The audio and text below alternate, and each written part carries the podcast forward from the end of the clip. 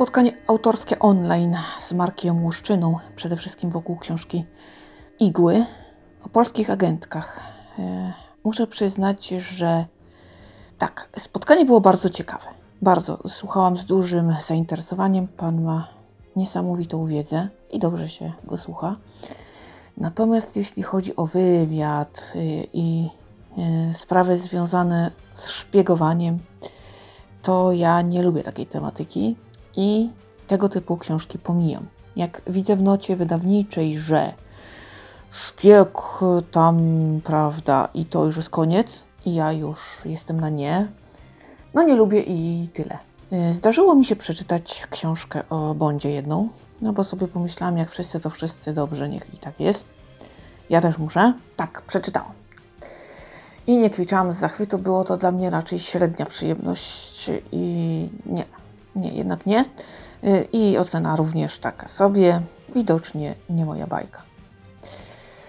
Dlatego, choć no faktycznie troszkę tych opowieści było o tym, czym te kobiety się zajmowały, jak sobie radziły.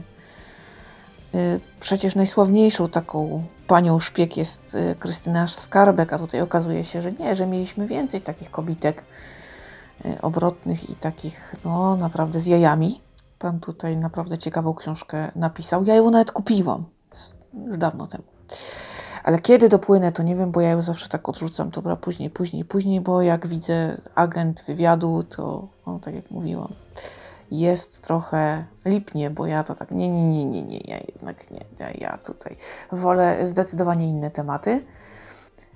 Z rzeczy, które naprawdę zapamiętałam, to taka jedna historia związana z refleksją. Prowadzący zastanawia się, co łączy te kobiety, jaka jest ich cecha wspólna. I stawia na skromność. Y, Autor przemyślał chwilę i mówi, no tak, w sumie tak. I faktycznie podobno, y, jeżeli ktoś ma takie bardzo rozbuchane ego, taką można rzec nadmierną pewność siebie, y, to raczej się do wywiadu nie nadaje. Podobno nie. Nie znam się, nigdy mnie nikt nie werbował, nie, nie mam pojęcia o tym. Mogło to by być zabawne faktycznie. Kto by takie, takie borajstwo podejrzewał, takie niecne bezeceństwa tutaj, prawda? No tak, nie? No ale znowuż wiadomo, ile rzeczy by mnie umknęło. Cholipka, nie, zupełnie się nie nadaje, nie ma szans, więc nic na ten temat nie wiem. W każdym razie, no podobno faktycznie jednak im bardziej się taki człowiek nie rzuca w oczy, tym lepiej. Ogólnie pan bardzo dużo wie o, o uzbrojeniu, na przykład III Rzeszy i w ogóle o samolotach. Y, On teraz y, pisze nową książkę Y, i to mnie rajcuje, bardzo czekam niecierpliwie. Mm, O takim obozie jenieckim, gdzie trafili lotnicy angielscy i polscy i oni tam przejęli władzę nad Niemcami. Taka była historia naprawdę. I to bardzo e, fajne. Oczywiście też e, troszkę opowiadał o pracy z archiwami, bo i z obcojęzycznymi pracował mm, tutaj autor, więc e, no, łatwo nie było. Też troszkę bariera językowa, pomimo że pan płynnie mówi, to jednak mimo wszystko gdzieś się pojawiła, ale dał radę. To zdolna bestia jest, więc spoko. Mm, Natomiast już same historie, te takie agenckie, tutaj jakoś mi się dość pominęły, y, ponieważ po pierwsze znajdziecie je w książce, to tutaj nie będę ich przytaczać nawet, bo kto lubi, ten już myślę, że zaciera ręce i ewentualnie pomyka do księgarni online. No nie, no już stacjonarnie też można, spoko. Y, Także mm, tak, tak, trochę tych takich y, smaczków tutaj też na spotkaniu padło, takich historyjek. Natomiast tak jak mówię, to nie jest e, moja ulubiona tematyka, więc e, choć nie powiem, było to interesujące, to jednak jakoś tak wyparowało ze mnie dość szybko. Mm, Zwłaszcza, że też pomyślałam, że jak jednak po tą książkę w końcu sięgnę, to no faktycznie mm, powtórzę sobie, prawda, odświeżę wiadomości. Jakoś tak chyba specjalnie się też tutaj jakoś nie emocjonowałam całą sprawą. Jedyna historia o e, szpiegu, która mi przypadła do gustu, to była y, tak jaka, taka jakby spowiedź y, Marii Nurowskiej autorstwa. Spowiedź y, Kuklińskiego. Kiedy to czytałam, zastanawiałam się, ile w tej książce jest fikcji. Bardzo ambitnie mnie to gdzieś tam nurtowało. Już, już się zbierałam, aby jednak prze, przetrzepać pod tym kątem internet, natomiast na końcu otrzymałam odpowiedź. Jaką tego nie powiem, bo być może Was też to będzie nurtowało. Dobra książka. Mój przyjaciel zdrajca. Naprawdę dobra. I to była jedyna rzecz e, związana z szpiegiem, która mnie jakoś tam pochłonęła. Pewnie dlatego, że podeszłam do tego też tak troszkę historycznie. E, poza tym lubię Marię Nurowską.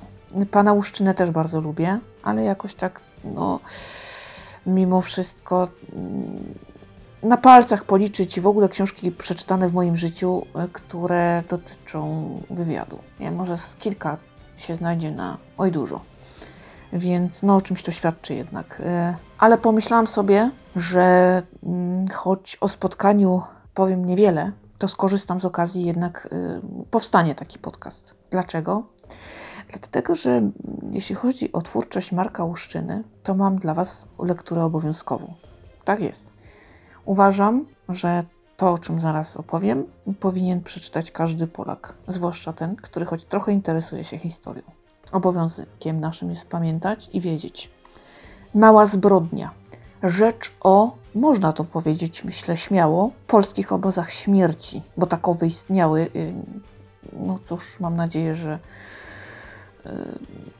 nie zbulwersowało Was to bardzo, ale tak było. Mm, kiedy spróbujecie wygooglować y, hasło polskie obozy śmierci, y, wyszukiwarka wyrzuci Wam mnóstwo wyników y, dotyczących działalności niemieckiej. Natomiast od 1944, bo to już wtedy tak gdzieś tam raczkowało, bo już wtedy Polskę powoli wyzwalano, funkcjonowały obozy polskie na niemieckiej infrastrukturze. Ten proceder trwał do roku 56.